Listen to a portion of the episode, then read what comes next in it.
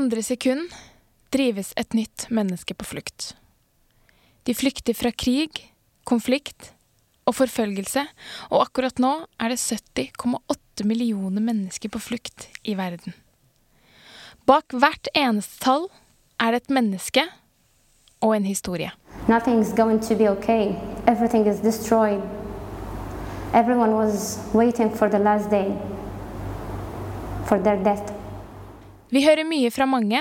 Nyheter, poster på Facebook, kommentarer i avisene. Men hvor går skillet mellom mening og fakta? Hva er det egentlig som stemmer? Det skal jeg, i samarbeid med Flyktninghjelpen, prøve å finne ut av.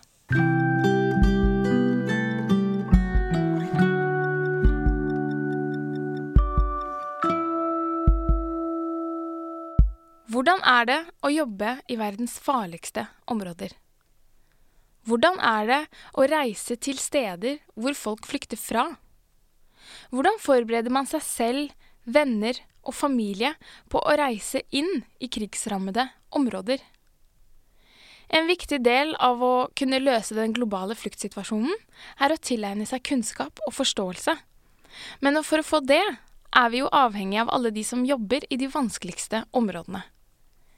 Humanitære arbeidere og journalister er noen av de som ofte befinner seg i de tøffeste områdene. Hva slags farer er det de utsetter seg for, og hvorfor velger noen mennesker å jobbe i slike situasjoner? Hvordan formidler man de enorme lidelsene man er vitne til? Dagens gjest jobber som utenriksreporter i TV 2, og har bl.a. rapportert fra krigen i Syria og Jemen, og møtt menneskene som flykter over Middelhavet fra krigen. Velkommen til deg, Sonja Skeistrand Sunde. Tusen takk. Du er, som nevnt, journalist og utenriksreporter. Eh, og du har vært på oppdrag i flere krigsherjede og farlige områder.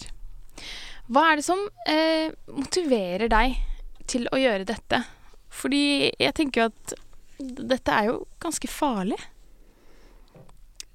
Nå er det jo sånn at vi tar alle tenkelige forholdsregler før vi reiser til et uh, krigsområde. Det er jo ikke sånn som nødvendigvis kommer fram i en reportasje. Alle de uh, planleggingsfasene vi er gjennom før vi faktisk drar, da. Uh, vi er nøye på hvem vi reiser med, hvem vi skal ha kontakt med, ikke minst hvor vi skal dra i disse områdene. Vi samarbeider alltid med lokale folk som vi stoler fullt og helt på. Vi har eh, sikkerhetsvakter. Eh, ofte mange sikkerhetsvakter. Eh, og vi, ja, vi planlegger nøye både før og under et risiko risikobesøk. Um, og det er jo sånt som kanskje seerne ikke får med seg, da. Eksempel i Jemen så hadde vi åtte væpna vakter, men de var jo aldri med i reportasjen.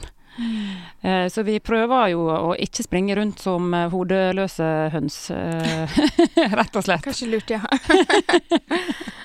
Men hva er det som Hvordan fikk du ideen om at det var dette du hadde lyst til å gjøre?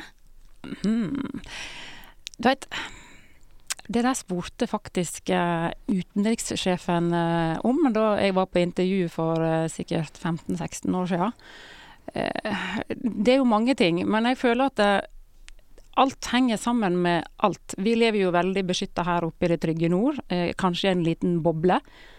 Eh, men det som skjer her, er jo påvirka av det som skjer ellers i verden, og det som har skjedd tidligere. Mm. Og det som skjer nå, vil også påvirke det som skjer i framtida. Altså, alt henger sammen med alt. F.eks. Midtøsten, da, eh, som jeg har reist masse til eh, i det siste. alt som skjer der, vil jo påvirke regionen for øvrig, og utover regionen. Så den sammenhengen, hvordan alt henger sammen, syns jeg er veldig fascinerende. Dessuten så er jo det noe med å kunne få den muligheten til å reise ut og se hvordan andre har det, da. Hvordan andre utenfor dette trygge Norden eh, lever. Det er et uh, vanvittig privilegium, faktisk, å få lov å ha det som uh, jobb. Fordi det er begivenhetsrikt, det er interessant, spennende. Uh, og veldig, veldig uh, lærerikt. Man uh, lærer både ja, altså rent faktisk hvordan de har det. Man får ny kunnskap, men man lærer kanskje også å sette litt mer pris på det vi har her, da. Mm. Håper jeg iallfall. Det er det jeg prøver å si til ungene mine, iallfall. Det håper jeg også. Men hvorfor um, um, Hvorfor er det viktig å dele denne eh, gode og ikke minst riktige informasjonen eh, fra krigs- og konfliktrammede områder? Det er viktig å dele fordi at uh, det er jo ikke bare vi som uh, reiser ut som trenger å vite. Jeg føler jo at alle har godt av å få mer kunnskap og informasjon om det som skjer der ute. Mm. Og så skjønner jeg veldig godt at mange blir lei av all elendigheten. Uh, at når folk sitter og ser på nyheter, og nei, nå kommer det enda en reportasje om krigen i Syria. Vet du hva, jeg har bare lyst til å slå av. Uh, jeg har lyst til å se på noe lettere, jeg har lyst til å konsentrere meg om fredagstacoen. Jeg skjønner det veldig godt, uh, men samtidig så er jo det vår jobb da å prøve å holde engasjementet for det som skjer der ute ved like. Mm. Jeg, jeg, jeg, tror folk rett og slett har godt av det. og nå er det ikke sånn at jeg går rundt og tror at nordmenn er ignorante vesen. Eh, for all del ikke. De aller, aller fleste er jo veldig godt klar over hva som skjer, men det er jo enkelt å glemme det litt. Eh, det forsvinner fra bevisstheten hvis ikke du blir påminnet det i mm. ny og ne. Um, og så er det òg noe med at når vi er der ute og møter folk uh, og forteller deres skjebne, så håper vi jo at det er enklere for eh, seerne å relatere seg til disse menneskene. De er jo akkurat sånn som oss. Mm. De har unger. De ønsker bare at ungene skal ha det bra. De vil at de skal ha mat og få gå på skolen. Eh, de ønsker bare å ha en jobb. De ønsker bare å klare seg sjøl og leve et liv som er verdig. Mm. og så har ikke de muligheten til det, men de er jo bare sånn som oss. Og ved å møte disse menneskene og vise det, så håper vi at uh, kanskje det kan føre til at folk uh, enklere forstår hva det faktisk går i. Mm. Og det er så bra du sier, fordi det er det jeg håper litt uh, skal At denne podkasten skal gjøre også. At vi kan faktisk gjøre det litt mer personlig og, og nærmere oss. Det, for det kan være litt vanskelig å, å, forholde seg til når det blir så store tall og, og så mye informasjon. Um, ja, så jeg tror, eh, jeg tror det er veldig viktig, jeg også. Um, men jeg regner med at man ikke um, bare kan booke en uh, billett og dra til et uh, konfliktområde. Hvordan forbereder du deg til en slik reise? Både um, tenker jeg både på det praktiske, men også det mentale. Mm. Det varierer jo litt, selvfølgelig alt etter hvor vi skal henne. Men vi kan kanskje bruke Jemen som et eksempel, da, siden Jemen var det vanskeligste landet å reise inn i. Eh, vi eh, reiste inn der tidlig i 2018, det er jo snart to år siden. Hjelpe, tida flyr. eh, og da hadde vi eh, prøvd å komme oss inn i ett år. Eh, først så forsøkte vi oss på de Houthi-kontrollerte områdene nord i landet. De er aller verst ramma av eh, krigen. Det gikk ikke. Dette området er altså inn- og utreise kontrollert av eh, Saudi-Arabia, som leder den internasjonale koalisjonen som har gått inn til støtte for Hadi-regjeringen.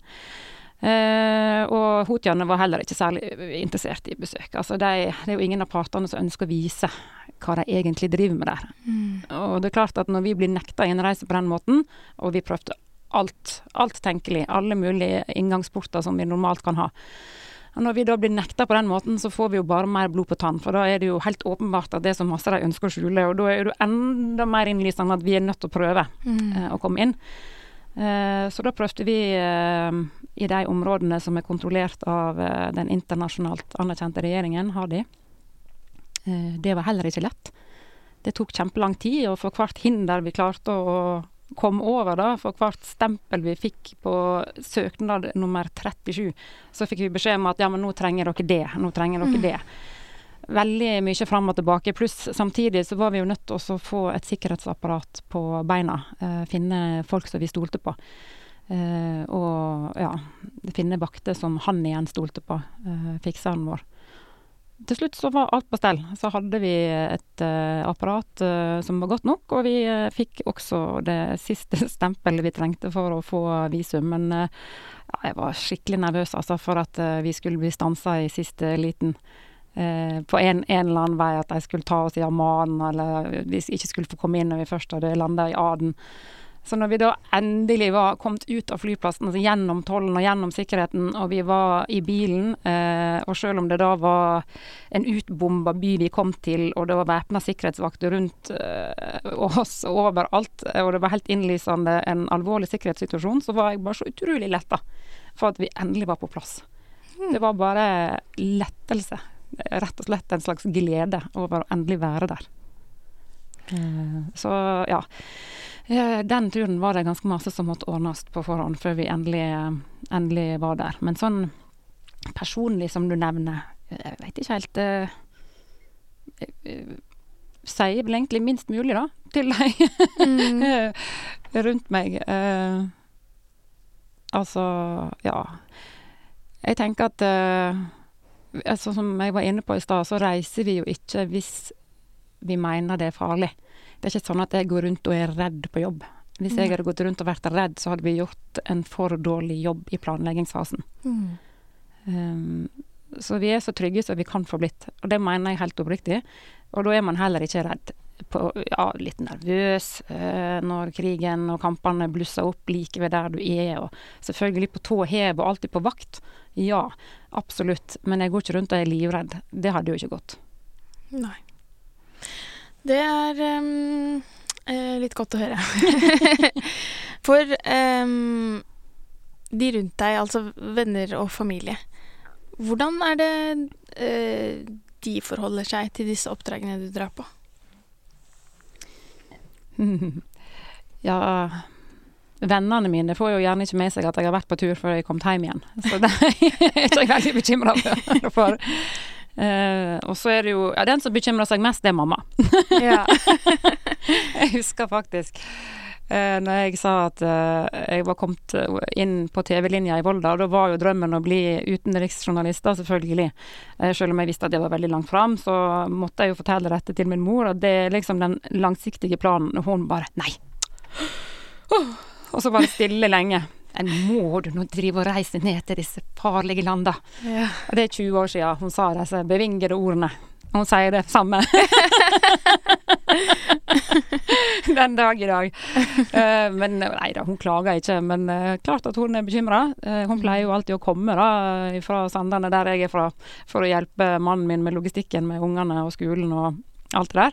Eh, så hun eh, følger veldig godt med, kan du si. Eh, den ivrigste nyhetskanalen som Norge har. Og så er det mannen min, da, selvfølgelig, som Han vet jo Jeg forteller jo hva vi skal gjøre, selvfølgelig, men samtidig så legger jeg jo vekt på det her som jeg har sagt nå, at vi har tatt alle disse forholdsreglene. Mm. Og jeg har jo ingen planer om å reise ut i et område der jeg virkelig tror det er en reell fare for at jeg ikke kommer hjem igjen. Det hadde jeg jo aldri gjort. Jeg har jo unger. Mm. Uh, så det er en veloverveid uh, risiko som jeg mener at uh, vi må ta. fordi tenk på alle de ungene vi møter der ute, og de historiene deres som vi forteller. noen må jo fortelle dem. hvem mm. skulle fortalt mine unger sin historie hvis det var vi som var rammet av en krig, og ingen gadd å komme? Mm. Ja. Var veldig godt sagt. Men um, For hvordan er det når du, når du kommer eh, frem dit du skal jobbe? Er du uh, blitt vant til det nå, eller er det fortsatt ting som overrasker deg? Oh, det er alltid ting som overrasker. Ja. Mm. Eh, det er klart det. Eh, stadig mindre, kanskje, men eh, stadig ting som uh, må tas på sparket, ja. Absolutt. Og en plan er jo aldri en plan. Den forandrer seg. Ja. Det er en sånn levende organisme okay. som man aldri helt veit hvor man egentlig har. Uh, spesielt i uh, et konfliktområde som jo er uoversiktlig og uforutsigbart av natur. Mm. Mm. Men hvordan var det um, Kan du sammenligne litt med hvordan det var de første gangene du skulle dra, -hmm. Og nå som du på en måte er blitt så erfaren? Oi, erfaren jeg, jeg, tror ikke jeg er så erfaren. Jeg tror aldri jeg kan Jeg tror aldri jeg kommer til å kalle meg en erfaren utenriksreporter. Det er fordi jeg føler at vi lærer noe nytt hver gang. Mm. Uh, men uh, fått mer erfaring, det stemmer jo. Jeg er kanskje mindre stressa på det her evige behovet for å levere hele tida. Uh, jeg føler at vi leverer det vi kan, og det får bare være godt nok, altså. Vi gjør så godt vi kan. Dette er det vi får til. Og så har jeg De første gangene så var det veldig mye logistikk som gikk galt. Det er det alltid. Det kan man aldri forutse. Det bare vet jeg at det skjer. Og da blir man stressa av det, for da får man gjerne ikke fortalt de historiene man ønsker å fortelle. Man får vel gjerne ikke levert alt som man ønsker å levere, for man skal jo helst levere til alle flater. Mm. Når, man har brukt, når TV 2 har brukt masse penger på å sende oss langt ut i Gokkistan så er jo det et ønske om eh, leveranse. Og noen ganger så går det bare ikke, og da er det viktig å ikke la seg vippe av pinnen av det. Mm. Eh, og så blir jeg litt vippa av pinnen, og så blir jeg ofte rasende. Men det, det, går bedre, altså. Det gjør det. Man blir ikke fullt så stressa på det. Eh, men det her med å møte folk, eh, og måten det går inn på meg, det har ikke forandra seg noe. Nei. Mm. Da tror jeg kanskje jeg bare må slutte å reise hvis jeg skal slutte å bry meg. Ja. Men du har jo nevnt eh, Jemen, og så har du fortalt eh, litt om hvordan det var der. Men du har også vært i Syria. Kan du fortelle litt, eh, litt mer om det? Mm. Mm. Den første gangen eh, jeg var der, det var seint i 2014. Da var jo IS på frammarsj i Syria og Irak, så vi besøkte Irak og Syria for å lage en dokumentar. Eh, den fokuserte på kvinner, da, som kjemper mot IS, verdens tøffeste kvinnfolk. Eh, og det Ja. Det var en veldig spesiell tur på, på mange måter. Altså, selvfølgelig så hadde du jo IS, da, som man ikke hadde kontroll på, som kunne angripe når som helst, eh, hvor som helst. Eh, bare å bevege seg noen kilometer var en logistisk utfordring, fordi man aldri helt visste hvor fienden var, da, for å si det sånn. Eh, og så eh, var det utrolig trist å møte eh, jesidi-jenter som hadde vært eh, sexslaver, da hos eh, IS. Eh, og så er det jo denne her De føler jo en sånn voldsom skam når de skal fortelle om alt de har opplevd. Så når du da sitter i dette teltet lenge, og vi prater, og de forteller litt mer og litt mer, så er det utrolig sterkt å høre alt de sier, men det er òg utrolig sterkt å tenke på alt de ikke tør å si. Mm. Alt som du ser at de tenker. Nei, det er grufullt, altså. Eh, unge jenter som eh, har eh, blitt eh, voldtatt gang på gang, som gjerne har fått barn med IS-terroristene, som har holdt dem som slaver. Mm. Fysisk og psykisk mishandling. Det er veldig, veldig sterke historier, og det er nesten vanskelig å tro at det går an. Um, at folk kan oppføre seg så jævlig som IS uh, gjorde. Mm. Så da var det nesten litt godt å komme og besøke JPG, den eh, kvinnelige delen av YPG, den militære greina da, i eh, Rojava, i det syriske eh, De kurdiske delene av Syria, nord i landet. For de damene, vet du, de hadde null frykt. De hadde ingen frykt og overhodet ingen respekt for IS. Mm. De levde og ånda for å drepe så mange av dem som mulig. Mm. Vi møtte Vian, f.eks., som bare var 23 år, men hun var allerede sjef for en eh, gruppe kvinnelige soldater. Og hun eh, var skarpskytter, da. Eh, og fortalte at hun hadde iallfall drept 100 IS-krigere. Ja. Eh, ja. ja. Så nei, mange, mange kontraster. Absolutt. Eh, eh, men ja, det er vel en av de reisene som jeg husker best.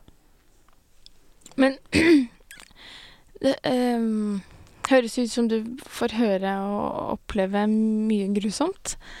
Um, hvordan er det å skulle være den som formidler uh, alt dette hjem til oss? Mm. Nei, du veit um, man må jo prøve å skjerpe seg litt da, når man skal fortelle dette hjem. Jeg kan ikke gå rundt med følelsene utenpå, følelsene utenpå huda. Eh, mm, og så skal man jo være objektiv, da, og prøve å forholde seg nøytral. Så er det selvfølgelig ingenting som heter å være objektiv og nøytral, men vi må prøve så godt vi kan. Mm. Eh, og fortelle dette på en måte som gjør at seerne forstår. Eh, så det er det vi etterstreber, da. Og så vise et uh, korrekt bilde av situasjonen som mulig. Ikke ta side, men å rett og slett vise at sånn er det på bakken. Det var iallfall slik vi opplevde det. Uh, og som regel så klarer man jo å holde, holde maska, da. Ja. Um, føler du at folk forstår det? Mm, forstår det vi mm, prøver å fortelle.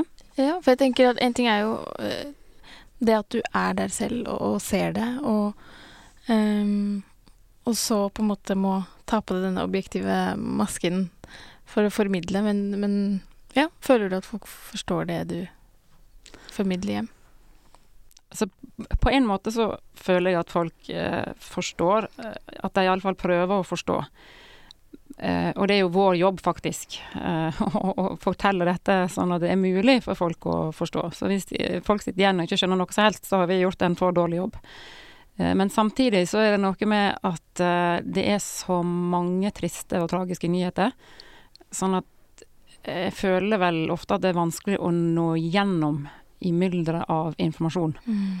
Eh, jeg forklarte det til sjefen min en gang, at av og til så føler jeg at jeg står og så bare roper inn i et sånn svart rom i verdensrommet, der alt bare forsvinner. Mm, Det blir ingenting igjen av det. Eh, at man ikke når igjennom til folk, da. Eh, man har bare lyst til å gå inn i stuen og så ta hver enkelt, og så forklare hver Mm. enkelt at dette er det som skjer. Og hvis du lurer på noe, så bare spør meg, så kan jeg forklare det på en annen måte. For jeg vil veldig gjerne at du skal forstå.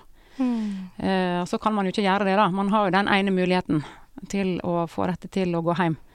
Um, men jeg, sant? Jeg, jeg føler at folk eh, prøver å forstå, og så hører jeg at folk bare sier Noen sier at 'Nå, vet du hva, jeg bare slo av for at jeg orket ikke'. Mm. Nei vel, det, det er ditt valg. Da har du valgt å, å distansere deg fra det som skjer ute i verden.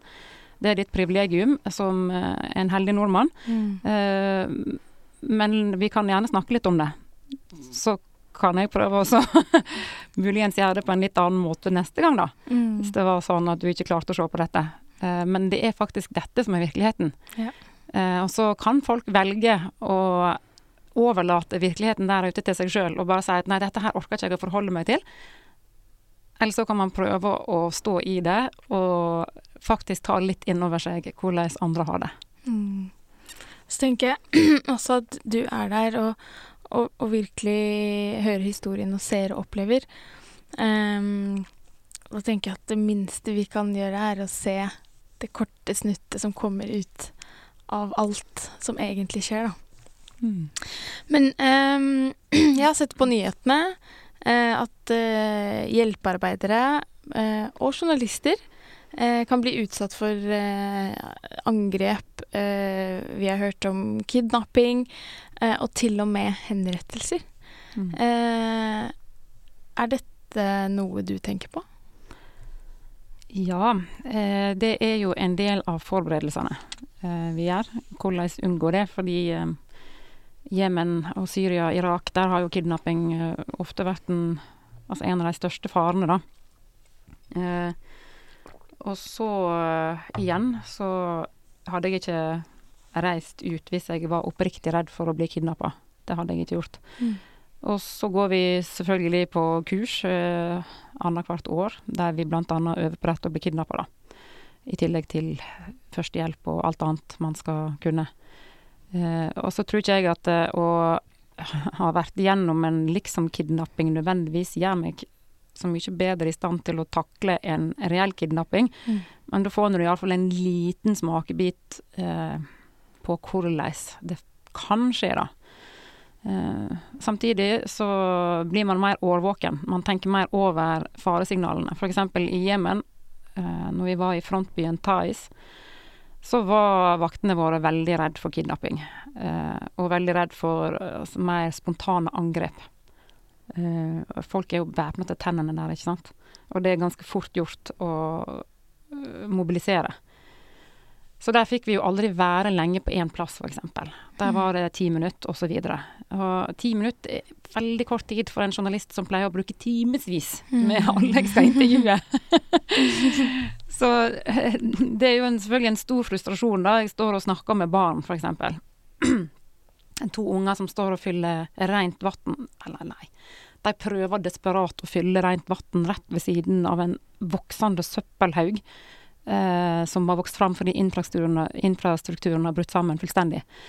Eh, så prøver jeg å snakke med disse ungene, og med en gang jeg føler at nå er vi, nå er vi inne på noe, da, mm. så vaktene Nei, vi må gå. Det har gått ti minutter, og den bilen har passert to ganger. Jeg venter ikke på han kommer tilbake en tredje. Mm. Og så er det videre. Eh, så, men det er en frustrasjon, men jeg, selvfølgelig, jeg må jo bare høre på sikkerhetsvaktene. Hvis ikke så hadde jeg fått sjefen min på noen. Det, det ville man ikke. så vi, vi, tar jo kidnappingsfaren på alvor. Men som nevnt i stad, det er ikke sånn at jeg går rundt og er redd for det. Fordi at da kunne jeg jo ikke ha gjort en, en god nok jobb der ute. Mm. Syria, Somalia Colombia. Verden over blir millioner av mennesker tvunget på flukt fra krig og konflikt. De blir revet bort fra familie og venner og går en usikker framtid i møte. Bare mens du har hørt på meg, har åtte nye mennesker blitt drevet på flukt. Flyktninghjelpen skaper muligheter og hjelper mennesker med å bygge seg en ny fremtid. Du kan være med å støtte vårt arbeid. VIPS til 2142. Men hvordan er det å jobbe i disse konfliktområdene som kvinne? Hmm. Jeg har eh, aldri opplevd noe negativt som kvinne. Eh, jeg velger å fokusere på alt som er positivt med å være kvinne. Nemlig at eh, jeg tror eh, det er enklere å komme inn på de som jeg gjerne vil møte. Og det er kvinnene, da. Og barna. mm. Og jeg har aldri opplevd at menn ikke vil snakke med meg uh, fordi at jeg er kvinne. Det har jeg ikke. Uh, nå har jo jeg aldri prøvd å være mann, da, så jeg vet ikke hvordan de opplever det. Men uh, jeg føler at det er en fordel, jeg. Rett og slett. men så skal det jo sies at jeg er jo glad for at jeg ofte reiser med Ole Ebbesen. Han er jo mann. Så å få være en kvinne og et mann, det tenker jeg kan være en fordel. Mm. Mm. Kult.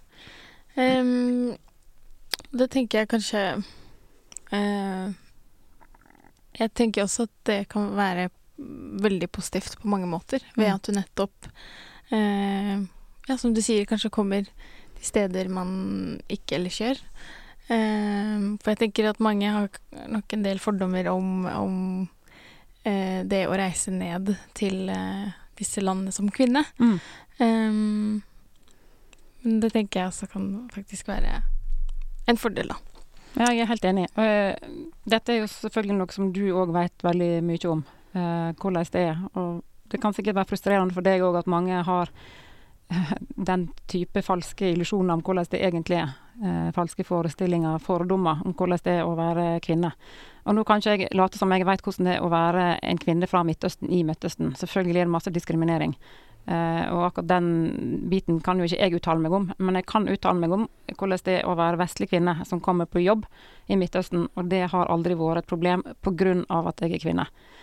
Uh, det har det ikke. Selvfølgelig, ja, jeg må gå med abaya av og til, og hijab. Men det plager meg ikke. Nå er jeg på besøk i et annet land, jeg er på besøk i en annen kultur.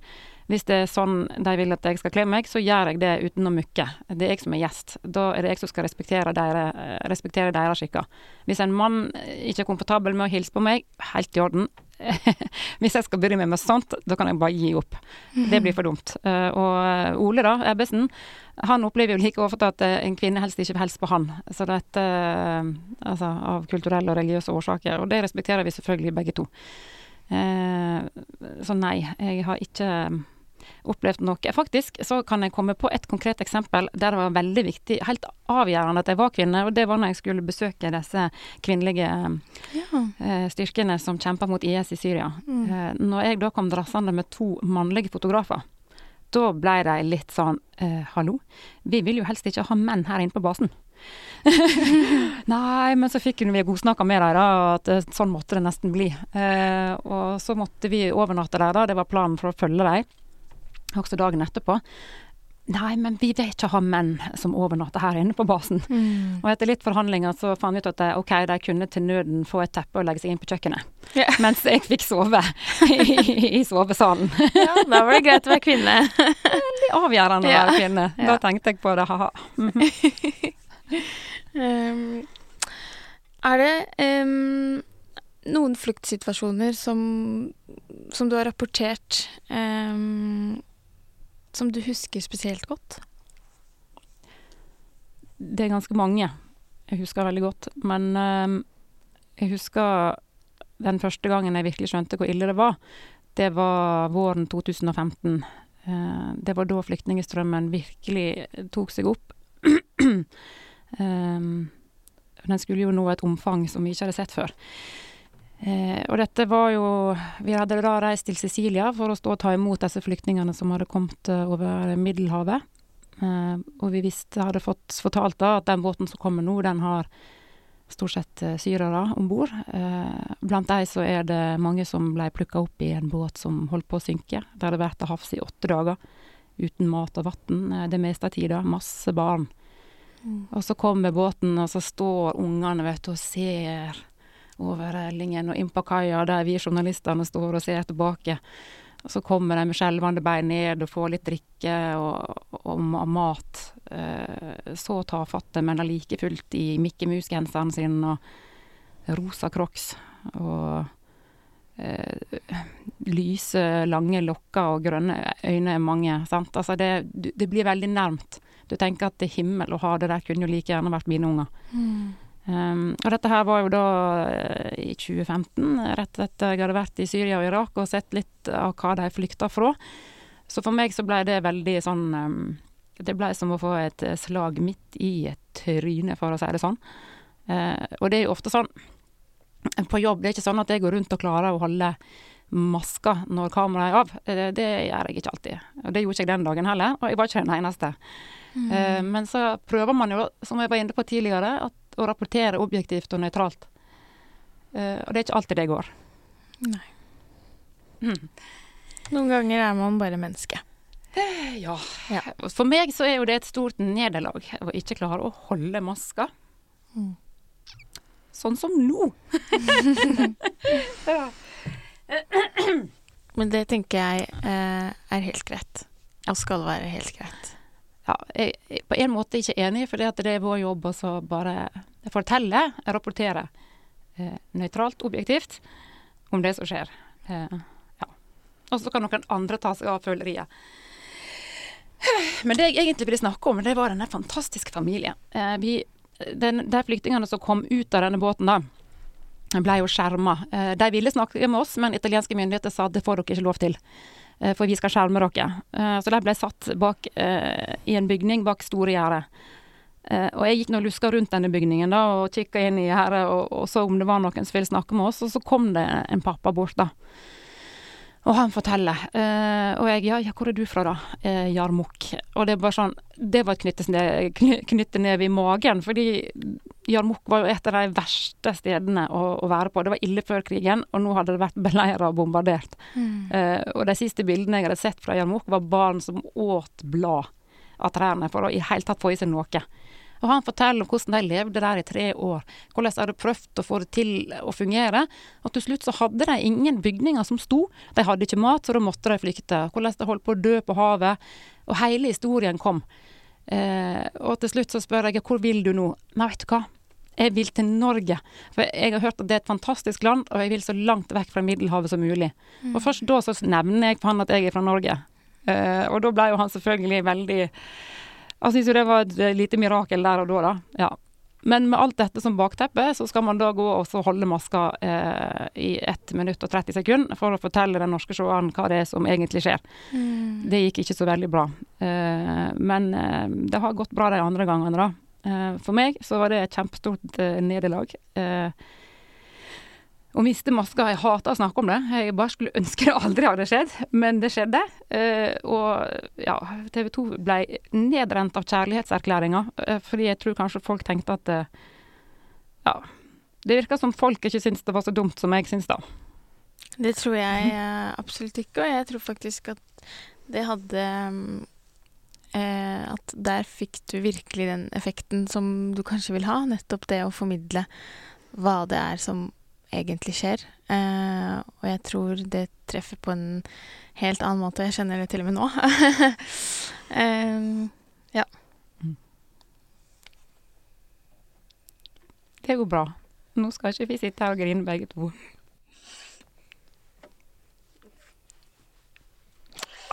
nå det begynner jeg òg. Nå var det du som begynte. Ja. Det er godt å se at du er et godt menneske.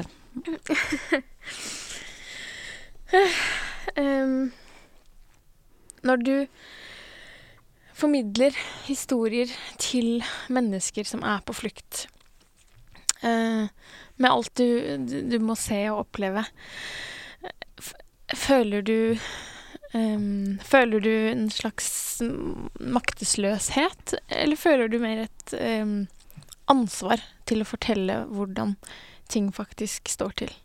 Begge deler. Uh, absolutt ansvar.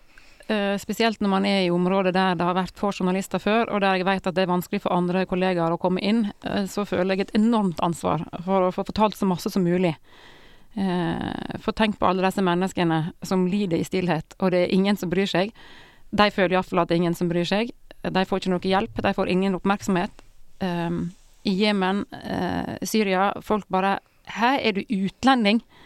Wow, kan du fortelle omverdenen at dette er det som skjer her? Kan du være så snill å fortelle, så vi kanskje kan få noe hjelp? Eh, klart, det ansvaret, det kjenner man eh, veldig. Og så kjenner man maktesløsheten når man føler at det ikke når igjennom. Og så kjenner man en elendig samvittighet når man eh, blir eh, evakuert i, fra krigen, eh, mens de som bor der, sitter igjen eh, i lidelsene helt alene. Så ja, det er mange følelser. Ikke alle like gode, men samtidig så må man prøve å tenke at vi gjør så godt vi kan. Vi prøver, iallfall. Det er eh, et veldig mm, godt budskap, eh, som jeg tenker at eh, mange kan ta med seg. Men nå skal du eh, veldig snart av gårde til eh, et fly, for du fikk jo eh, blitt innkalt til en, nytt, et nytt oppdrag. Um, men er det et sted eller en konfliktsituasjon du ikke ville dratt til eller rapportert fra? Eller er det et sted du har sagt nei til at det oppdraget skal ikke jeg gjøre? Jeg har ikke sagt eh, nei til noe, eh, men jeg eh, tenkte med meg sjøl at hvis jeg fikk spørsmål om å dekke ebola, så hadde jeg faktisk sagt nei. Eh, og det er av den enkle grunn at jeg ikke hadde turt å være i nærheten av barna mine eh, i en måned etterpå. Og det går ikke. Jeg eh, er jo sånn klassisk uh, hønemor som får dårlig samvittighet hvis jeg er vekke. Mm. Og hvis jeg da skulle vært vekke så lenge Nei. Og den her følelsen av å kunne risikere å smitte noen i familien med denne grusomme sykdommen, eller venner eller kollegaer Jeg hadde bare ikke takla det, altså. Og så tenker jeg at det er jo ganske egoistisk, fordi det var jo absolutt, og er absolutt, en situasjon som fortjener oppmerksomhet, som får mindre oppmerksomhet enn den fortjener. Men jeg tenkte at vet du hva, det må bare bli noen eh, andre. Og det var jo Fredrik Resvik, han reiste jo han. Så det er jo folk som eh, er villige til å ta den risikoen også. Ære være. Men mm. ikke meg. Nei, beklager. Men tror du kanskje det er derfor at den får mindre oppmerksomhet? Eh, det er, mm, det er, mulig, men ja, jeg er ikke helt sikker. fordi det er ganske mange som faktisk har reist, eh, som har tatt sjansen på Og man tar jo alle mulige forholdsregler. Altså for, sjansen for å bli smitta er veldig veldig liten, men vi hadde jo den norske legen som ble smitta. Så det finnes jo absolutt en mulighet eh, for det. Det jeg gjorde for å bøte på min dårlige samvittighet, var at jeg lagde flere saker her hjemmefra. Med Norges viktige innsats for å finne en vaksine, f.eks. Eh, så man prøver jo å løse det på andre måter, der man ikke utsetter seg sjøl og dermed sine nærmeste for en fare for å få ebola. Mm. Men um, hvorfor er det sånn at, at, noen saker får veldig mye mediedekning, mens andre får uh, veldig lite? Uh, og så kan det kanskje være altså, like store konsekvenser, uh, eller like store kriser, da. Mm. Det er et kjempegodt spørsmål. Uh, jeg skulle ønske at jeg hadde et uh, veldig tydelig svar. Men jeg tror, hvis vi går tilbake til Jemen, da, som har fått ekstremt lite oppmerksomhet i forhold til omfanget av krisa, skal jeg tenke på at her er det det er verdens verste humanitære katastrofe. Det har FN sagt. Og dette er ikke en betegnelse som FN slenger rundt seg eh, på en lettvint måte. Det betyr at det er grusomt. Um, Per nå så er det 20 millioner mennesker som trenger eh, Som ikke har nok mat. Det er 20 millioner mennesker i Jemen som ikke har nok mat av 30 millioner innbyggere.